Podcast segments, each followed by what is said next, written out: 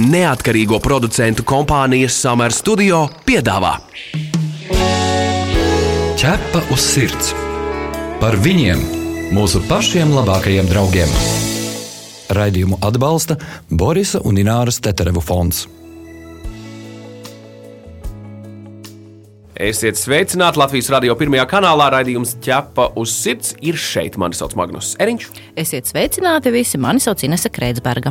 Vai jūs zinājāt, ka Latvijā vispopulārākais mājas dzīvnieks ir tieši kaķis?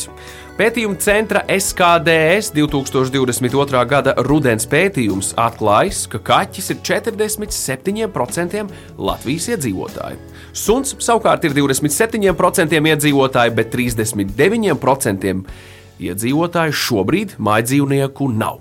Pasaulē ir tik daudz atzītu kaķu šķirņu, bet nu, kā izvēlēties sev piemērotāko? Un jāsaprot, arī tas, ka cilvēki diemžēl kaķi izvēlas tikai un vienīgi pēc izskata neiedziļinoties šķirnes īpatnībās un gribot mīlīgu kaķi izvēlas atturīgu vai otrādi.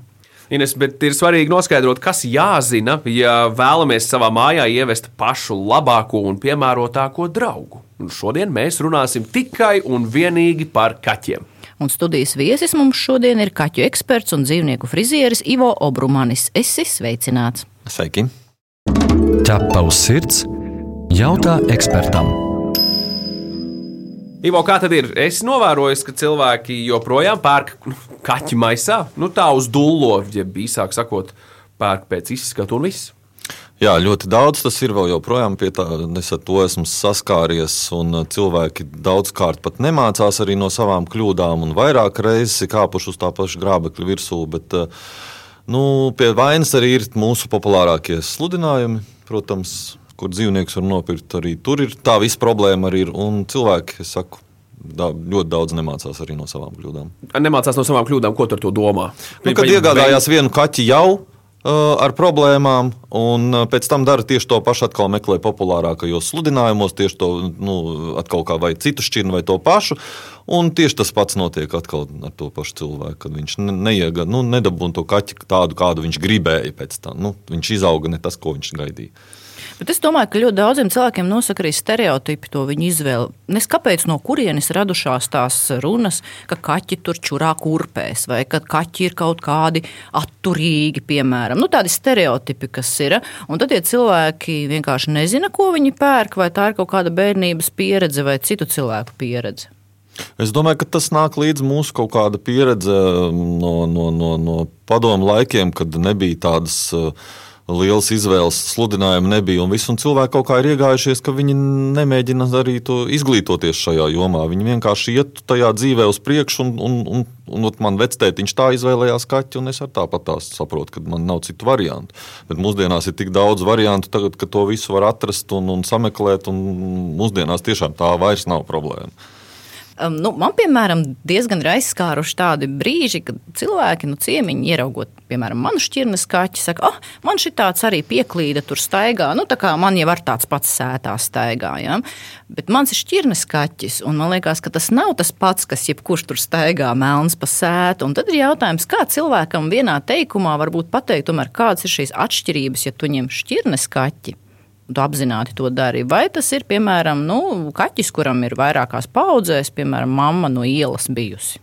Nu, sāk, sāksim jau ar to, ka var prognozēt uh, viņa izskatu, kāds viņš būs pēc šķirnes. Otrs ir, mēs varam prognozēt viņa raksturu. Trešais, mēs varam prognozēt viņa spalvas garumu. Tas nozīmē, ka viņa kopšanu turpmākos vairākus gadus, teiksim, nu, 10 vai 15, kā kurš tur mums atvēlēs to laiku pie mums.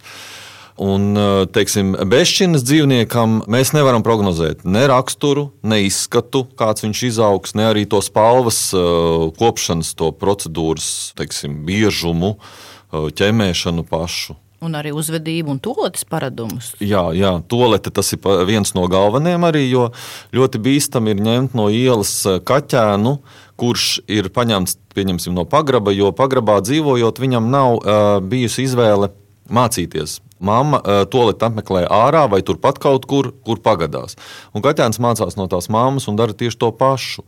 Uh, audzētavā, uh, teiksim, pie audzētājiem tas notiek bijis savādāk. Tur mammai ir tolete blakus kaķēniem, un mamma rāda piezīmi, kur tas ir jādara. Un kaķēns ļoti ātri to apķerās un, un sāk to darīt. Ja mēs to paņemsim no pagraba, jebkuru mazu kaķēnu, nu, ļoti nu, uzmanīgi jāskatās, ir jāmāca, viņš ir jāliek tā tolete. Varbūt, kad ir jāliek kaut kādā voljērā no sākuma, lai iemācītos. Viņam būs vajadzīgs noteikts laiks. Un ir arī tādi gadījumi, kad nevienmēr visi to iemācās darīt. Tieši tas pats arī ar uh, nagu asināšanu. Viņš darīs to jebkur, jo viņš to darīja. Ir pieredze darīt pagrabā ārā, uz koka, uz, uz kaut kādām stūriem, uz, ja tur kaut kāda pagrabā stāv krēsli, mēbeles, viņš to darīs. Mājas kaķis nemēģinās to darīt, ja būs blakus tas kaķis asināmais. Māma arī rādīs to piemēru, kur tas ir jādara. Un viņš kā maziņš papagailīts nāks un atkārtos tieši to pašu pēc aiz mammas. Ivo, kādas vēl problēmas tu esi novērojis, ja cilvēki, piemēram, paņēmuši kaķi, neiedziļinoties, kāda būs tā kopšana un citas nianses? Nu, uzskaitīju jau gana daudz, bet nu, es pielikšu vēl vokalizāciju klāt, piemēram. Nu, spalvas garums. Teiksim, ļoti daudz cilvēku paņem garspalvainu kaķi. Vienalga, šķirnes vai bezšķirnes, ir arī bezšķirnes kaķi, kur ir ģenētiski nu, tā spalva nākus līdzi un viņi ir gara. Uh, viņi nesaprot to, ka tas kaķis būs jāķemmē, viņš būs jāķemmē biežāk nekā tas kaķis, kas ir īspalvains. Un viņš pēkšņi nāk uz frizētavu ar to kaķi, kuram ir pieņemsim jau tie seši vai astoņi mēneši, viņš saka, ak, Dievs, jūs nevarat iedomāties, cik daudz mājās ir spalvas. Man, man vajag viņu nodzīt ar mašīnīti. Bet es cilvēkam parasti prasu, pirms jūs ņēmāt to dzīvnieku, vai jūs neredzējāt, ka tam dzīvniekam tomēr ir tā spalva jau gara uz to brīdi bijusi? Nu, vai tiešām kaķis ir piedzimis tādēļ, lai viņu dzītu ar to mašīnīti visu mūžu un to spalvu bojāt, un tas eh, termoregulācija viss mainās dzīvniekam. Ļoti daudz to neaptver un nesaprot, ka vispirms ir jāpadomā arī par šīm lietām visām. Šobrīd ir skaidrs, ka modē un ļoti populāri kaķi ir meinkūni. Nu, tos ņem visi, kas, kas grib kaķi. Bet par to kopšanu, kā jau mēs tagad runājam, un par tieši mēnkūnu kopšanu, nu, par to reti iedomājas, ka nu, tur būs diezgan daudz jāpavada laiks, spalvas un, un, un vēl un vēl. Un vēl. E, Ivo, vai tev šķiet, ka kaķi arī tiek izvēlēti pēc, kāda, pēc kādas kulta filmas vai pēc kāda cita populāra notikuma? Kā tiek noteikts, kurš kaķis būs modē? Jo atceramies, savulaik pirms 20, 30 gadiem tie bija persieši. Jā, nu, tādu modi es neesmu novērojis personīgi pēc kaķiem, pēc suņiem gan. Pēc Jā, katras filmas zinām, tas, bet... ir, um, tas ir tāds, man liekas, likums. Kā, kāpēc tieši mēnkūni, piemēram, nu, tu atzīsti, nu, ne tik tāpēc, ka tu esi mēnkūna audzētājs, bet tu arī esi pamanījis, ka cilvēki bieži. Tā ir uz grib. doto brīdi, tā ir atzīta kā pasaulē populārākā šķirne. Pasaulē, ne tikai Latvijā. Nu, lūk, bet jautājums, kāpēc, ja ņem vērā, ka viņiem kopšana ir viena no sarežģītākajām? Nu, teiksim tā, to, ko es esmu dzirdējis no cilvēkiem, nevis no es arī pa savu, teiksim, kas manu uzrunāja arī. Tas uzrunāja tas, ka tas izmērs. izmērs piemērs. Iespaidīgā seja, kā es saucu, nevis pūniņš, viņiem ir reāli tiešām seja, nevis pūnis. Tas trešais moments ir tas raksturs viņa. Jo Menkūns ir tas dzīvnieks, kurš ir starp suni un kaķi.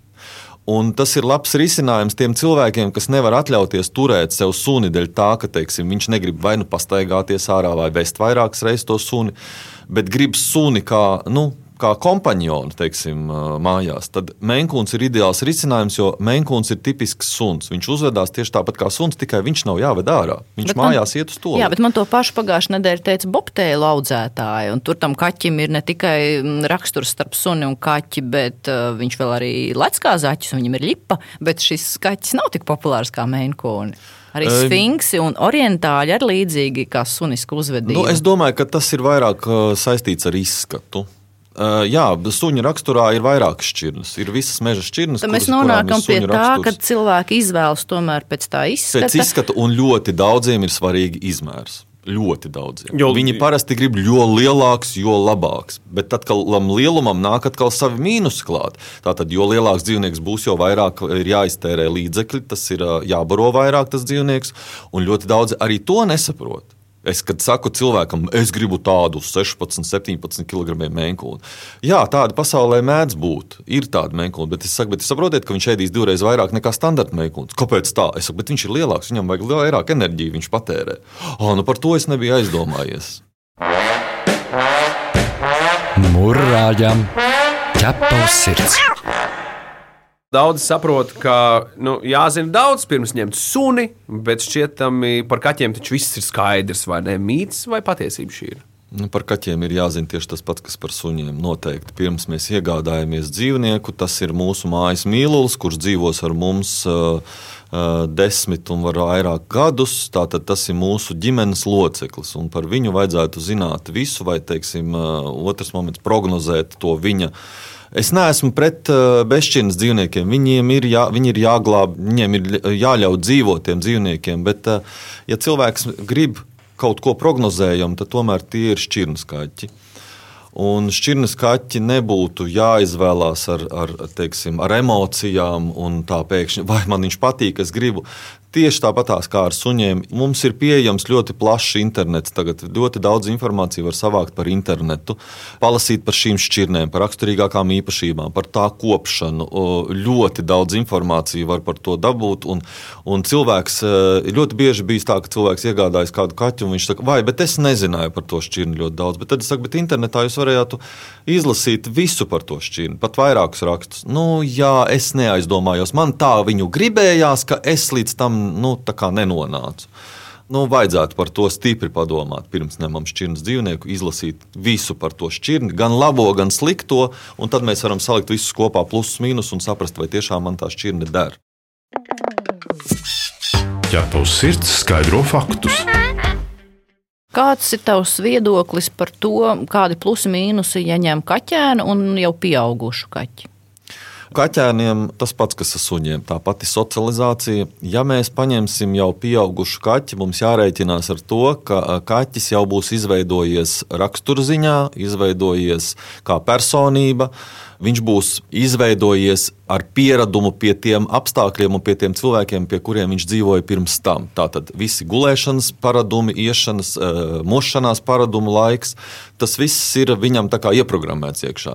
Ja mēs paņemam kaķēnu, teiksim, mazā vecumā, un es pat iesaku diezgan agri, cik mums likumdošana atļauj no desmit nedēļu vecuma atsevināt, tad mēs ņemam no desmit nedēļu vecuma no audzētāja kaķēnu, mēs viņu sākam lipināt kā plastelīnu.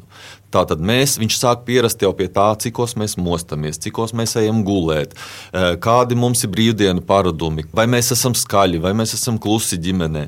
Tas viss viņam līdz tam gada vecumam tiek ieprogrammēts. Un tad kaķis izveidojās kā tāda jau ģimenes personība, kā ģimenes loceklis. Ar to ir tā atšķirība. Kā mēs varam saprast, mēs pērkam īstu šķirnes kaķi, nevis attālu līdzinieku par lielu naudu. Mēs uzzinām to kaķa šķirni, kādu mēs gribam, un tad otrs moments ir jāpainteresējas. Vai nav tuvākās kaut kādas kaķu izstādes kaut kur? Jo kaķu izstādēs var piedalīties tikai certificēti audzētāji vai kaķu īpašnieki. Tas ir nozīmē tie, kuri sastāv kādā no Latvijas klubiem. Populārie sludinājumi portāli tā nav labākā vieta. Um, vēl otrs moments, ir, kur, kur to var darīt, tas ir uh, Facebook. Uh, Facebookā ir ļoti daudz dažādu um, kaķu šķirņu grupas izveidotas var pameklēt tur un pieteikties tajā grupā, un tad uzrakstīt, teiksim, vai nu ziņojumu, vai, vai kādam pajautāt. Tur ļoti daudz atsaucīgu cilvēku ieteiks savu pieredzi ar labiem audzētājiem. Un pēdējā laikā tā arī tas notiek, ka caur, caur šo sociālo tīklu teiksim, var uzzināt par ļoti daudziem labiem audzētājiem.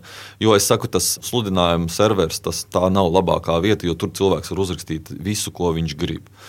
Tālāk mēs skatāmies, tad mēs iepazīstamies ar to cilvēku. Mēs uzzinām, vai nu piezvanām viņam, vai, vai, vai atnākam pie viņam uz mājām. Vislabāk jau, protams, ir cilvēks uzaicina uz mājām. Es daru pēc savas prakses, parasti cilvēku uzaicinu pie sevis uz mājām, lai viņš iepazīstās ar to šķirni, lai viņš pasēž, atnāk bērni līdzi, lai viņi saprotu, vai bērnam neizveidosies pēkšņi burtiski kaut kāda pārstundu alerģija, kas arī ļoti bieži pēdējā laikā ir. Iepazīstamies, viņš redz to, ka uh, mājās ir uh, kopti tīri kaķi, kad nav nekādi ne būri, ne sprosti, kuros viņi dzīvo, kā varētu būt pie pavairotājiem.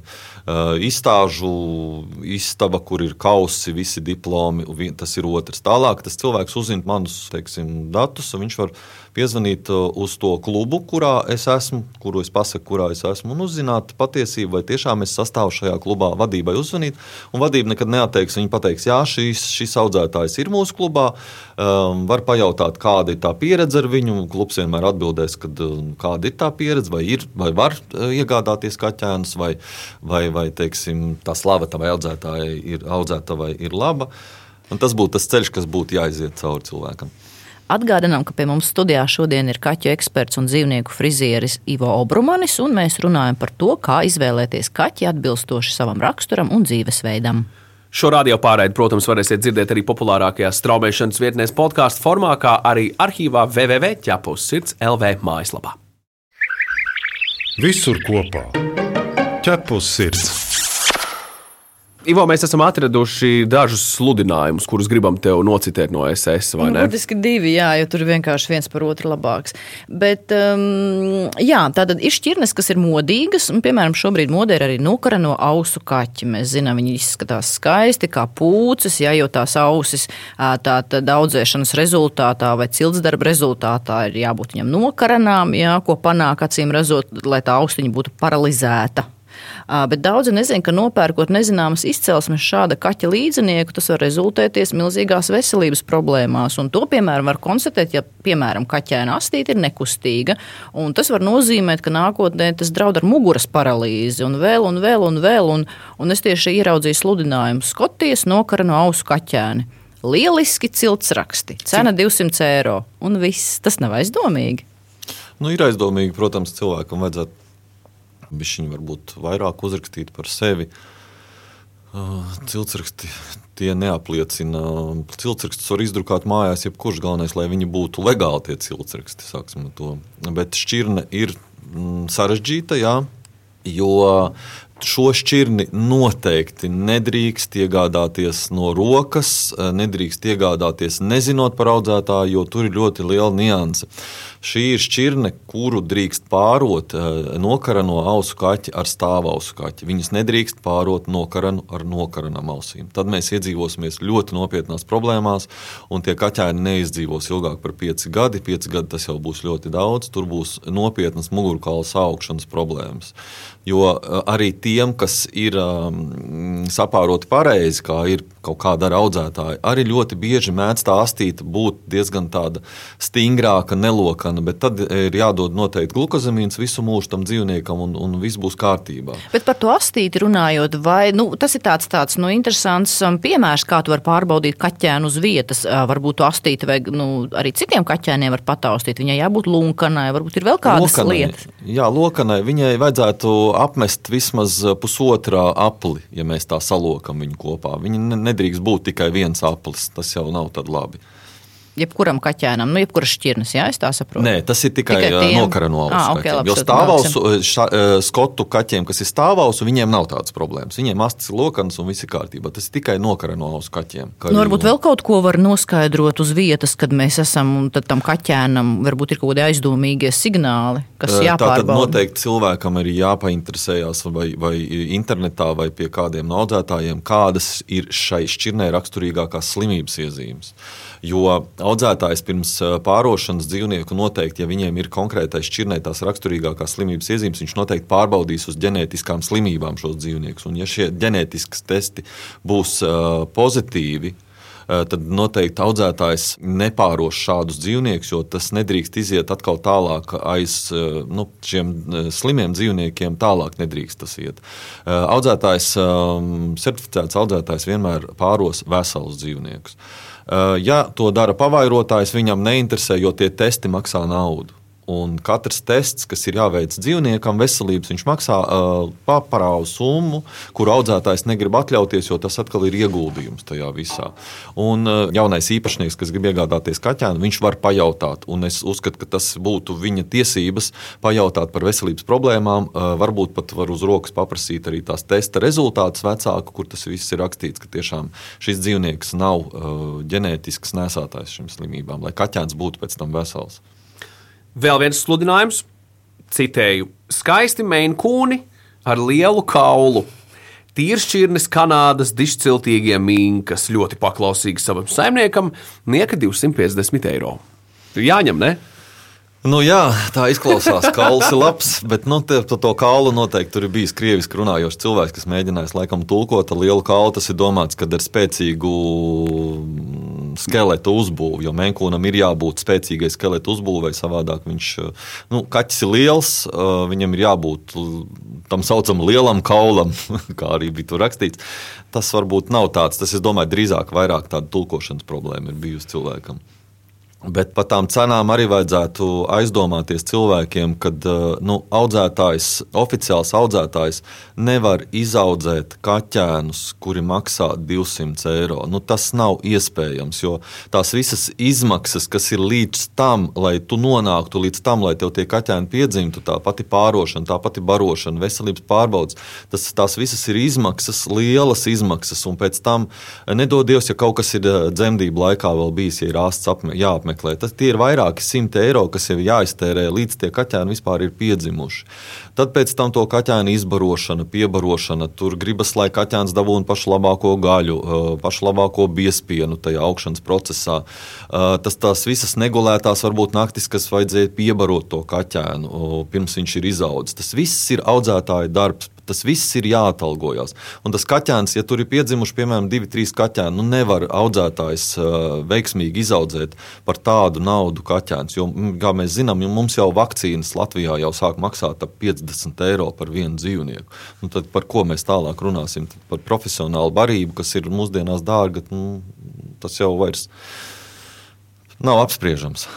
Iepriekšējos raidījumos mēs runājām par kucēnu iegādi. Arī ar kaķēnu iegādi principā strādā tie paši noteikumi. Jāpārliecinās, ka audzētājs ir starptautiski atzītas organizācijas biedrs, ciltsraksts tiek piedāvāta bez maksas, un kaķēns jums jāredz viņa dzīves vietā.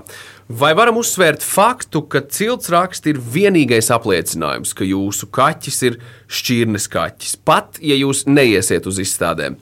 Vai esat redzējis Ivo gadījumus, kur cilvēks svēti tic, ka viņa kaķis ir šķirnes, jo tā ir rakstīts uh, kaķa potēšanas pasē? Jā.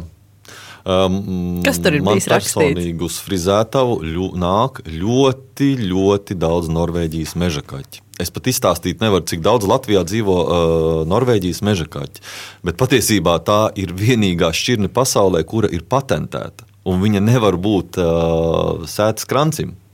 Agrāk padomu laikos tāds bija aizspriedums, eh, kāds noteikti bija iegādājies Norvēģijas meža kaķi, un viņi visi tie, kas bija bezpajumtnieki vai, vai no ielas paņemtie, viņi līdzinājās kaut kur viņiem. Tad tāda, bija tāda modes lieta, kad visiem bija Norvēģijas meža kaķi. Un ciltsrakstos kādā no četrām paudzēm ir jābūt noteikti Norvēģijā reģistrētam uh, meža kaķim, kas nu, tad, nāk no Norvēģijas uh, ciltsgrāmatas. Nu, tad mēs varam teikt, ka patiesībā ciltsraksts ir vienīgais apliecinājums, ka jums ir šķirnes kaķi. Nu, mēs runājam par starptautiski atzītas jā, organizāciju. Jā, jā. Kā... Ja to ir izdevusi organizācija organizācija.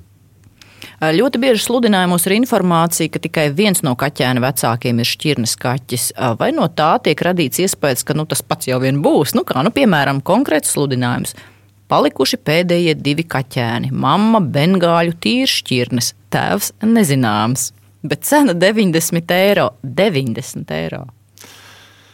Jā, nu tas, tas nozīmē, ka tie kaķēni ir bezšķirnes kaķēni. Nu, ta, ne, bet, ļoti... tēvs nezināms, nu, tad tur jau vispār nevar saprast, tur, kas tur jā, būs. Tur nevar saprast. Un, ja mamma, ļoti daudziem ir tā, ka nu, mamma mums ir menkūns, vai šajā gadījumā ir bengāls, jā, bet uh, mūsu ejie tad ir šķirnes kaķi. Nu, nav tā. Vai ir gadījumi bijuši, kad stāsta man arī, ot, tētis ir Norvēģis, tas menkūns, un mamma mums ir siāmiete.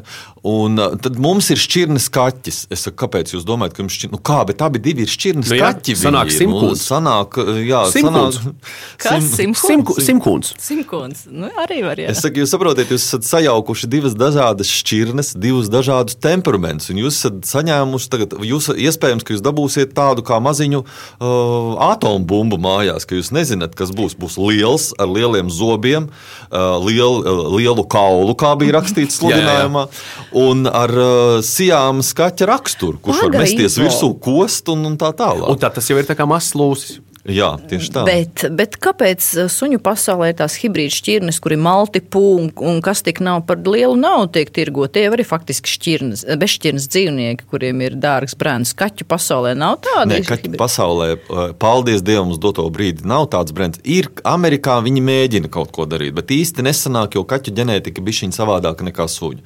No tā, ka mēs sapārojam dažādas šķirnes kopā, sanāk katreiz kaut kas savs un nevar dabūt to noturīgo, to šķirnes jauku augtenīti, kas varbūt turpināsies kaut kādās paudzēs, bet viņa tālāk. Jo kaķim tā ģenētika ir daudz sarežģītāka nekā sunim. Un tur nedrīkst arī pat pārot radnieciskus kopā, teiksim, caucamo to imbrīdingu taisīt, jo tur arī izlīdīs ārā ļoti dažāda mm, tipa un dažādām veselības problēmām. Ivo, ko tavuprāt cilvēki joprojām nesaprot par kaķiem? Kādas kļūdas pieļauj barošanā, varbūt kopšanā? Ļoti daudz nesaprot to, ka kaķis nav cilvēks. Tas ir pirmais, un otrs uh, nesaprot to, ka kaķis arī nav suns. Un kad kaķi nevar au, uh, izaudzēt tā, kā suni audzē. Suns ir kompanions.